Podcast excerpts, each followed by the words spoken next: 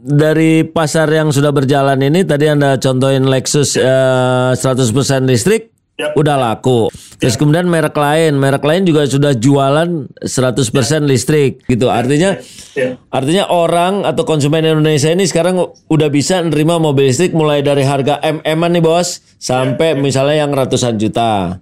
Nah, Toyota nah itu yang ditunggu-tunggu. Jadi kayak ada kesan nih Toyota lelet amat sih. Jadi kan ini tergantung dari final final decision dari pemerintah ya. Ini kan masih draft ya Ubed. Hmm. Ya, ya, ya. Ini draft jadi kita tunggu. Tapi memang sejak awal pada saat eh, Toyota Group lah ya Toyota Daihatsu mulai eh, membangun SGC kemudian start production Hmm. memang sudah disampaikan oleh pemerintah ini tidak akan selama-lamanya. Kalau ditanya kenapa misalnya tahun lalu Avanza boleh dibilang dibanding tahun sebelumnya agak turun. dumpang dumpang dumpang dumpang dumpang dumpang dumpang dumpang dumpang dumpang dumpang dumpang dumpang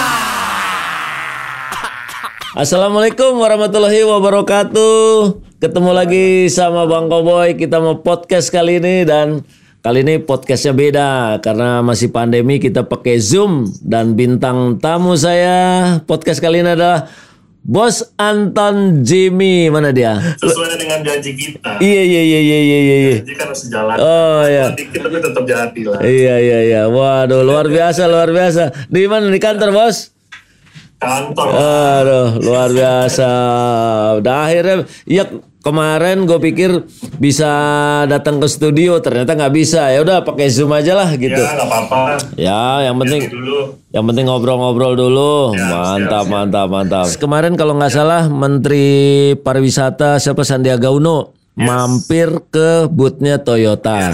Saya ketemu kemarin. Nah, ketemu langsung sama Bro Jimmy sama Pak Henry ya, betul ya? Iya Pak Edi sama Sudasang kebetulan kita di sana juga. Nah, kan kalau nggak salah di berita itu dia mau beli mobil listrik Toyota. Eh, kagak ada. Toyota belum punya mobil listrik. Akhirnya dia beli Corolla Cross Hybrid.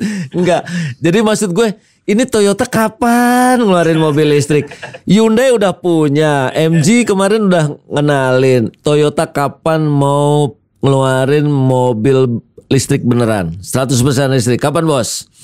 Jadi gini Bang Oboy. Jadi Gimana gimana? kita itu kan sebenarnya mengintroduce mobil-mobil kalau kita bilang elektrifikasi ini kan di Toyota Hmm. adalah hybrid termasuk ya. Oh ya ya ya ya. Hybrid sama full listrik dan Ya lain-lain. ya ya.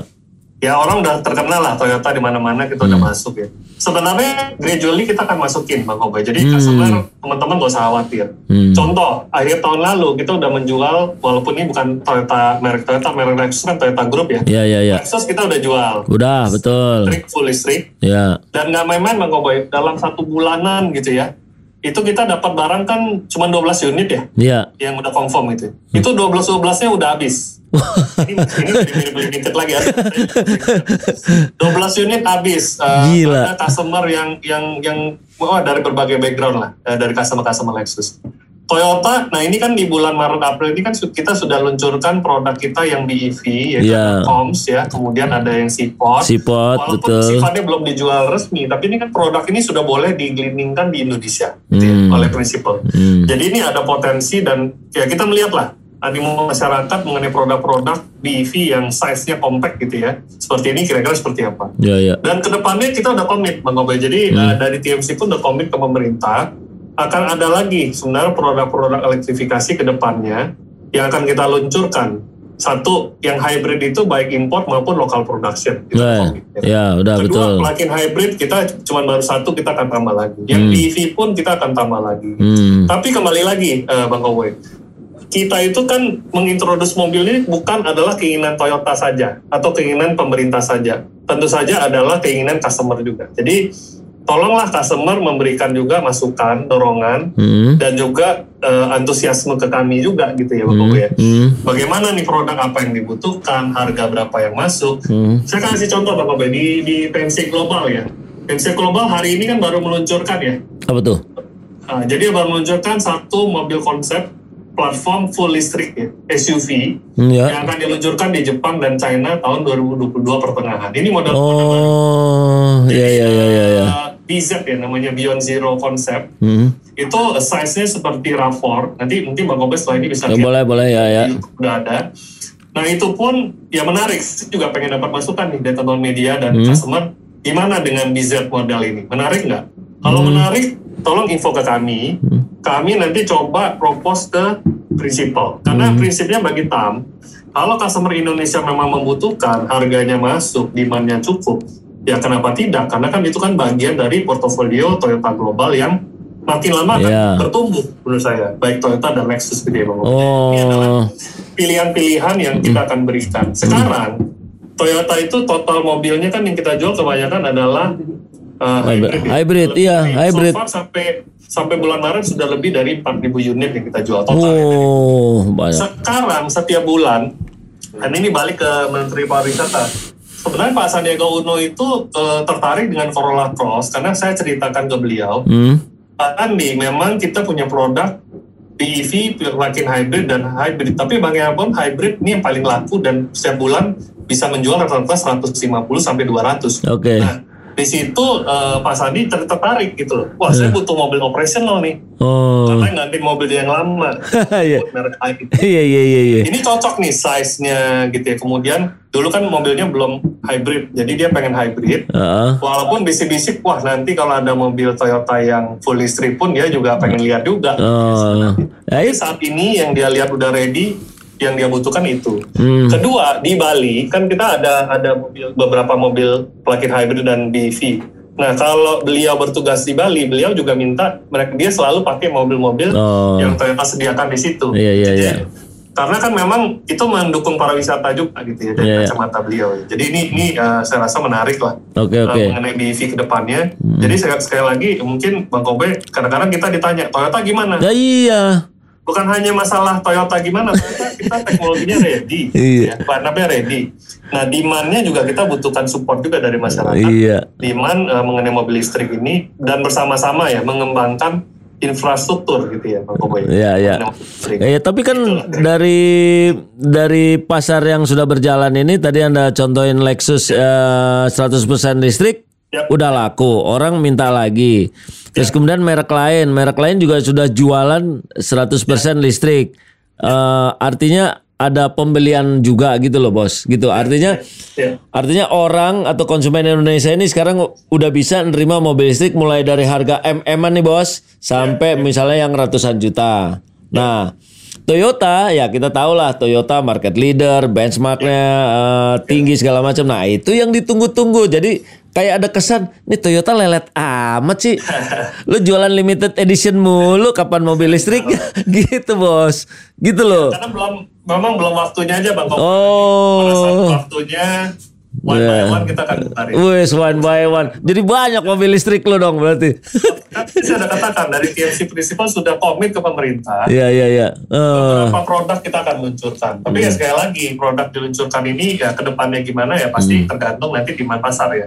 Nah itu timingnya kapan? Mungkin pandemi bukan timing yang pas kali ya pandemi ini ya. Maksudnya eh, timingnya apakah eh, 2002 eh 2022 atau 2003? Nah timingnya kapan itu Toyota mau bener-bener main di mobil listrik, bener-bener 100% listrik. Kita monitor terus ya Bang Kobo ya. Iya, iya. Kan eh, persiapan jalan terus gitu ya. Persiapan Hmm. jalan terus. Jadi kalau memang misalnya nih demandnya sangat menarik dan dan luar biasa, Hmm. ya secepat mungkin kalau bisa kita introduce sebenarnya Bang. Kita sih Oh. minta prinsipal seperti itu. Jadi Oke, kalau untuk oke. mobil listrik, eh, saya rasa untuk di Asia ya, di luar China dan Jepang, rasanya Indonesia akan menjadi negara yang pilihan elektrifikasi Toyotanya termasuk paling banyak. Nah itu dia Contoh tuh. yang Lexus itu, eh, Iya. Lexus yang elektrik, itu pertama di launchingnya di Indonesia. Betul betul betul Kan di, betul. di Thailand atau di Malaysia, pertama Iya. di Indonesia. Sipot itu pertama di Indonesia juga, nggak ada di negara lain. Oh, Jepang Sipot, masuk eh. Indonesia. Jadi Oh. itu membuktikan bahwa komitmen Toyota terhadap produk elektrifikasi itu adalah memang di Indonesia dulu. Hmm. Kalau kita bandingkan dengan negara tetangga, Iya iya. Tapi kalau itulah yang kita tunggu gitu. Tapi kalau ngelihat Sipot sama yang Koms kemarin itu kan kayaknya bukan mobil untuk sehari-hari ya, untuk daily use ya. Itu kan untuk kawasan tertentu, Nusa Dua segala macam. Nah, ya, ya. maksudnya yang yang daily use-nya itu tentu benar-benar bentuk mobil, isi empat orang, lima orang atau bahkan tujuh orang. Nah, itu gitu. Nah, tapi eh, ke depannya memang Selain tadi dikatakan mau impor eh, mobil listriknya impor, tapi juga produksi lokal. Nah ini maksudnya gimana? Ah, Berarti memang Toyota udah nyiapin plan akan memproduksi mobil-mobil hybrid atau mobil listrik di Indonesia. Kira-kira gitu. Betul bos ya? Betul ya? Udah udah itu udah komit. Udah komit ya, Itu ya ya. Kita nggak nggak bicara jangka waktu lama. Tahun depan kita akan. Hmm, hmm, Ya tahun depan kita akan ada local production. hmm. Karena ya ini mendukung program pemerintah juga ya. iya, iya, iya. LCC, PP73 itu kan dari awal kita komit Hmm. eh, Toyota ya sebagai produsen yang besar di Indonesia dan kita komit nggak cuma untuk jualan tapi mengembangkan industri ya. Hmm. Ya, mengembangkan industri mobil listrik itu yang paling penting adalah itu. Jadi eh, sejak tahun depan dan mudah-mudahan eh, diterima dengan baik ya tentu saja bisa diikuti dengan produk-produk elektrifikasi lainnya Hmm. Oke, tahun oke. berikutnya. Nah, yang jadi masalah sekarang adalah eh, beberapa pemain merek mobil udah melakukan penjualan mobil listrik. Mungkin kurang booming kali ya. Kurang boomingnya itu mungkin karena kalau kata gue ini bos, harganya masih kemahalan, Ya, gitu. ya, Nah, ya. Untuk yang insentif pajak untuk mobil listrik itu sebenarnya berlakunya kapan sih bos? Tahun ini atau tahun Ya, depan atau gimana sih? Tahun- Setahu saya tahun ini ya Bang Kobo ya. Oh tahun ini ya. Oh, dan informasi yang kita terima dari pemerintah kan itu bulan Oktober ya. iya ya Oktober ya. Akhir tahun ini mulai. Hmm, Eh, tapi ya itu kan menunggu finalnya gitu. Ini kan draft gitu ya masih iya iya iya iya. menunggu finalnya. Jadi apakah bulan Oktober eh, kita siap-siap untuk di bulan Oktober. Hmm, Nah tentu oke. saja eh, persiapan sudah kita lakukan. Jadi mudah-mudahan kalau Oktober sudah di announce Ya, tahun depan kita sudah bisa melakukan local production. Tadi iya ya, Kobo. iya iya iya. balik lagi di Indonesia ini kan bracket harga ya, Robi juga tahu. Kalau kita bicara harga 500, 600 juta ke atas, Iya, ini iya. bracketnya volumenya segitiganya di atas. Iya betul, kecil. Kelas premium lah kita bilang. Ya, Kelas- ya, Sedikit ke bawah mungkin 400 sampai 500 juta mulai agak rame lah. ya. Lebih turun lagi 300 jutaan loh, lebih Wah, rame lagi. turun lagi 200 apalagi 400 jutaan.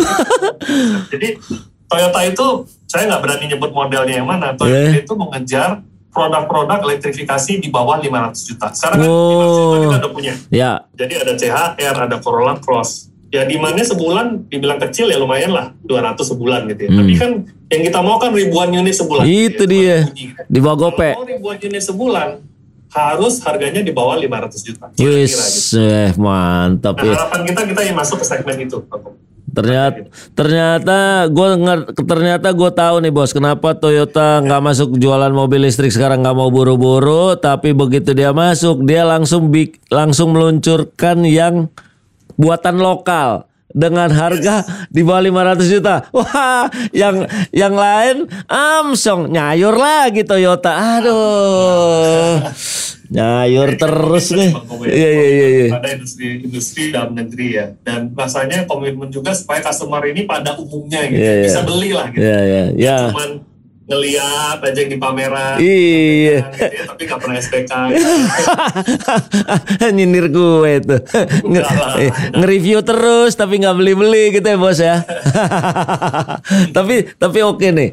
Kalau gue ngerti lah. Jadi Toyota kayaknya slow motion dulu, santai dulu, biarin yang lain jualan dulu ya nggak, ngefur dulu gitu bos. Tapi tahun depan keluar mobil listrik Toyota buatan dalam negeri dengan harga terjangkau Wah, itu sangat luar biasa itu. Wah hebat hebat hebat hebat hebat. Nah selain soal elektrifikasi di akhir tahun ini, ini masa apa ya? Masa emasnya mobil LCGC juga berakhir juga bos ya. Betul ya. pajaknya. Nah, pajaknya yang tadinya udah dari tahun 2013 0% PPNBM sekarang sudah dikembalikan ke harga normal kira-kira gitu, Bos. ya mulai naik lah. Mulai naik. Nah, Masih di bawah normal. ya. Tapi eh, setahu gue ini kan entry buyer, Bos. Betul ya? Ini entry buyer. Nah, entry buyer dengan budget sekian. Nah, kalau misalnya nanti masa keemasannya LCGC harus naik harga. Nah, itu gimana tuh, Bos ceritanya? Bisa beda lagi tuh. Ya, jadi kan ini tergantung dari final final decision dari pemerintah ya. Ini kan masih draft ya Pak Gubernur. Hmm. Ya, ya, ya. Ini draft, jadi kita tunggu. Tapi memang sejak awal pada saat eh, Toyota Group lah ya, Toyota Daihatsu mulai eh, membangun SGC, kemudian start production, Hmm. memang sudah disampaikan oleh pemerintah ini tidak akan selama-lamanya. Ya, oke. Jadi kita sudah aware. Jadi pada saat kita membangun itu kita sudah siap bahwa kapan-kapan pun ini akan naik pajaknya. Hmm. Tapi dengan catatan bahwa pajak nol menjadi naik menjadi tiga persen itu masih lebih rendah Bang Koboy. Oh ya ya ya. Dibandingkan dengan yang berakhir 10%, itu kalau emisinya sama gitu ya, tidak Hmm. improve, tidak menjadi hybrid, tidak menjadi mobil listrik, Hmm. itu akan naik dari 10 menjadi 15%. Hmm. Jadi mobil biasa naik 5%, LCGC naik 3%. Hmm. Masih ada masih ada gap lah kalau kita bilang kenaikan itu 2% dan masih kompetitif enough. Hmm. Walaupun pastinya kita harus pinter-pinter juga untuk cost reduction dan membuat paket-paket program untuk menjaga pembeli mobil pertama ini tetap bisa membeli. ya. Nah, itu dia. Itu masalahnya di situ karena biasanya kalau mobil udah naik harga, ah, itu lama-lama entry bayarnya lama-lama berkurang. Betul. Nah, apakah biasanya kalau udah begitu nanti keluar lagi tuh ide baru tuh bikin LCGC tahap 2, bener nggak bos ya? LCGC tahap 2 supaya bisa nol lagi. Ah macam-macam lah. Yang penting jualan terus ya bos ya. ya jualan dan mengembangkan industri lah. Eh, iya, iya. Walaupun kan tadi ya kenapa Toyota bisa uh, market share-nya cukup besar dari masyarakat seluruh Indonesia kan produk-produknya adalah didesain dan juga diproduksi dalam negeri gitu itu saya rasa poin lah ya ya ya. pelajari gitu Nah itu salah satu kelebihan Toyota lah, nggak cuma jualan doang, tapi juga memproduksi eh, di dalam negeri. Oke, tapi ini kita ngomongin pasar sedikit bos ya. Nah di dalam kacamata Toyota eh, dengan adanya diskon PPNBM ini kan istilahnya insidentil ya, karena ada diskon. Nah ya sampai akhir tahun mungkin bisa tercapai lah secara total atau market share. Nah, yang pertanyaan, Ya. nah apakah anda melihat bahwa ini memang demand yang yang apa yang nggak biasanya nggak lazim atau gimana ini ya ya gitu? Ya, Bang Kopai, tadi yang saya jelaskan di Hmm. awal ya. Jadi eh, kalau secara bicara normal hitung-hitungan gitu ya kan, secara histori kan adalah kalau harga turun, market naik berapa gitu. Ya ya ya. Ternyata ini di atas itu masih ada lagi. Gitu. Hmm. Walaupun kita lagi pelajari terus, tapi dari suara-suara dari lapangan, dari customer, dari dealer, tidak hanya meningkatkan market yang dari hitung-hitungan biasa, tapi tadi ya customer yang udah nunggu lama gitu ya, sekarang jadi beli mobil. Customer yang dulunya nggak kepikiran beli mobil jadi beli mobil. Inilah menyebabkan demand itu naiknya sangat luar biasa. Hmm. Memang nggak bisa dihindari itu tadi dengan keterbatasan produksi pada saat yang nanti turun nih dari 100 ke 50 Nah. jadi 25 Itu udah diantisipasi belum tuh? Ya, kita berharap tidak semuanya hilang gitu ya. Jadi Nah, tetap ada. Karena gini Bang Obes, saya percaya dengan apa ya kekuatan media gitu ya. kekuatan pemberitaan. Hmm. Dan Bang Obes masuk salah satu iya ya. kekuatan pemberitaan ini adalah jujur nih pemberitaan mengenai mobil ini udah turun ya Bang Obes. Nggak ada yang baca lah. Eh, Turun lah. Uh, Iya, iya. Orang udah lesu dan lain sebagainya. Tapi dengan ada PPNBM ini menggairahkan orang. orang ngobrol di sosial media, Iya iya. mungkin ngobrol di di dalam keluarga gitu ya atau ngobrol antar temen topik-topik uh, otomotif ini jadi muncul lagi gitu Iya, jadi iya. hangat lagi gitu Iya, iya, iya. ini juga saya rasa memperkuat juga animo masyarakat ya itu tadi saya bilang dulunya nggak kepikiran gitu ya bahkan nggak mungkin mau lihat list aja nggak jadi kepikiran gitu ya. Hmm. jadi lihat lagi buka website buka uh, price list tanya temen dan lain-lain nah ini kan akibatnya ada semacam keinginan lah ya. Udah lama nih nggak ganti mobil. Mana ada temen SMA wah Innova gue udah enam tahun nih.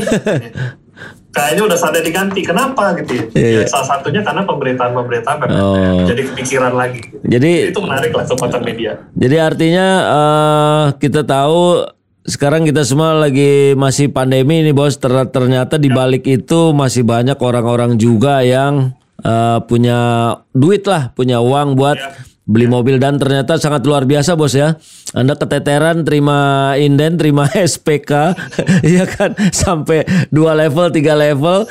Artinya di luar sana ya, ini pandemi pandemi aja. Yang kena pandemi kena pandemi. Ternyata banyak juga dompet-dompet teman kita yang nggak kena pandemi, limited ya karena kebutuhan ya Ya ya ya ya. mobil tetap kebutuhan saya rasa eh, kalau di boleh pilih ya kalau bisa ya naik mobil pribadi ya sekarang ya Oh betul betul itu. betul betul. kemudian kan nggak bisa bohong lah kalau mobil udah di atas lima tahun enam tahun kan mulai ada bunyi-bunyi mulai ada yang kurang nyaman aduh apalagi nyonya di rumah kan Eh, kenapa? banyak ya aduh ini udah sadar diganti dan lain-lain ya Ini juga saya rasa juga masukan yang baik juga. Ya kalau mobil gua bunyi-bunyi gua semprot aja biar nggak bunyi bos gitu aja.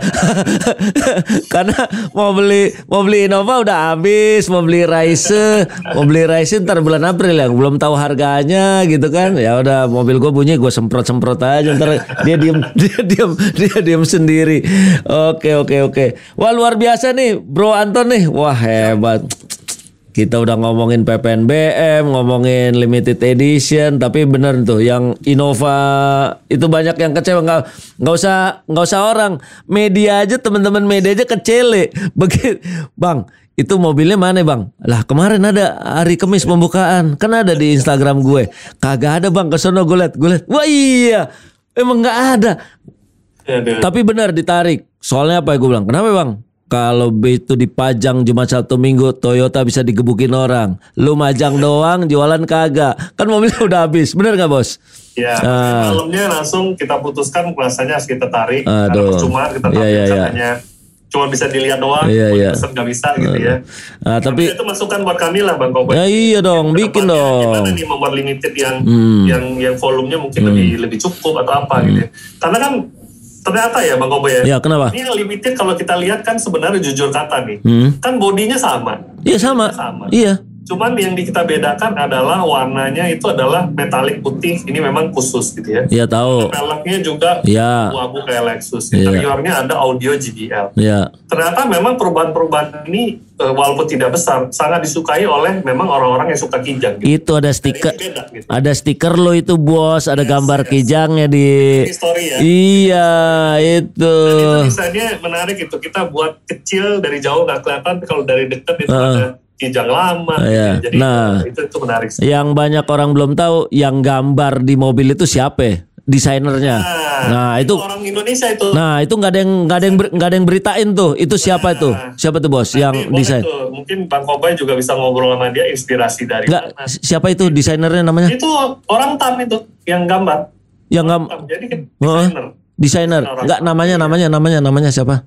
Eh, namanya Akbar. Oh Akbar. Oh, jadi itu yang ngedesain, yang ngedesain pita emasnya itu istilahnya eh milestone-nya, milestone-nya Toyota itu orang Indonesia. Itu yang Pak Bang Kobai kenal lah namanya eh, chiefnya Doni. Doni. Oh Doni tahu, Doni, chipnya ya. Doni. Oh timnya. Oh luar Chiefnya biasa. Doni membuat gambar itu. Iya, buat gambar. Hmm. Di internal juga. Awalnya cuman logo gitu aja. Saya bilang jangan nih kesempatan kita menceritakan. Mm-mm. Orang-orang udah banyak yang lupa nih bahwa dulu itu kijang itu seperti apa. Gitu. Kijang kotak, kijang buaya ya. Sesuai dengan eranya lah. Dulu kan ada Iya. eranya pelita gitu ya. Ya, Pelita. ya betul betul betul betul. Eranya butuh dulu pickup gitu seperti Hmm. itu. Sekarang eranya butuh yang lebih nyaman dan yang lain. Jadi ya sesuai dengan eranya lah gitu ya. Wah, tapi keren kemarin sempat juga tuh gue ngeliatin gambarnya tuh pas di list body tuh. Wah, ini ternyata desainernya orang Indonesia luar biasa. Filosofinya memang ada. Ya, ya, ya. ya. menarik. Oke, ini barangkali ini pertanyaan yang terakhir-terakhir nih bos soal Avanza. Nah, ini kayaknya Avanza kayaknya ya udah gitu-gitu aja udah lemes-lemes aja kayaknya. di pameran IMS uh, di pameran IMS udah kagak ada yang buka Avanza nih. Avanza diapain sih? Aduh, nunggu barunya nggak kelongol-nongol nih bos, bos. Gimana gimana? Gimana bos Anton? Saya rasa Avanza bagaimanapun tetap diminati ya Bang Bob. Ya ya ya ya. Saya kasih contoh di PPNBM pun ya Avanza jujur ya termasuk yang model yang laris juga. Hmm. SPK-nya juga naik dua kali lipat juga gitu ya. hmm. Memang kalau ditanya kenapa misalnya tahun lalu Avanza boleh dibilang dibanding tahun sebelumnya agak turun. Iya, kalah sama merek sebelah. Avanza ini kan beda dengan mobil eh, mobil retail lainnya kayak RAS gitu ya. Hmm. Jadi Avanza ini kan ada dua fungsi ya Bang Boy. Satu adalah retail, satu lagi adalah fleet. Fleet, ya. betul, betul. Mobil-mobil perusahaan. Nah, memang jujur kalau namanya musim-musim pandemi, krisis begini, yang perusahaan-perusahaan ini banyak yang berhenti beli ya. Jadi memang porsi dari Avanza di bagian segmen ini memang menurun banyak. Retailnya Oh, menurut saya sebenarnya turun tapi masih wajar lah. Oke, oke, oke. Ya, Jadi ya. totalnya, nah saya lihat tahun ini apalagi dengan PPNBM, nah ini demandnya mulai kembali nih. oke, oke. Beli pembeli mobil-mobil ini. Jadi Avanza di bulan Maret pun naik cukup signifikan ya penjualannya hampir 8.000 unit. Wis, besar, mantap. kok, Ya, ya. besar. Eh, dan kayaknya akan continue nih di bulan-bulan berikutnya berapa bulan ke depan karena dapat PPNBM juga. Mm. Tapi pas masukannya kita terima lah, Bang Koboy dari media dari teman-teman. Hmm, kenapa? Apa nih Avanza ada perubahan lagi? Nah iya, ya. all new, all new, all new. Tunggu lah, tunggu lah. Tunggu. Atau ini, lo nggak punya ide nih bos, bikinin logo 50 tahun, taruh di Avanza, ternaik lagi deh bos penjualannya. lo, lo iya, orang orang kita kan senengnya yang begitu-begitu, yang yang gimmick-gimmick kan. Ini Avanza edisi 50 tahun, speakernya lokasi JBL, udah selesai naik lagi bos, percaya sama gua. Bener nggak? Thank you, thank you masukannya. Pasti kita consider. Oke oke. Baik teman-teman semua. Itu tadi podcast saya bersama bos atau bro Anton Jimmy, Direktur Marketing Toyota Asal Motor. Terima kasih sudah menonton. Wassalamualaikum warahmatullahi wabarakatuh. Thank you bosku ya. Thank you, thank you. Thank you, thank you. Mantap, mantap. Wah. Dumpang dumpang dumpang dumpang dumpang dumpang dumpang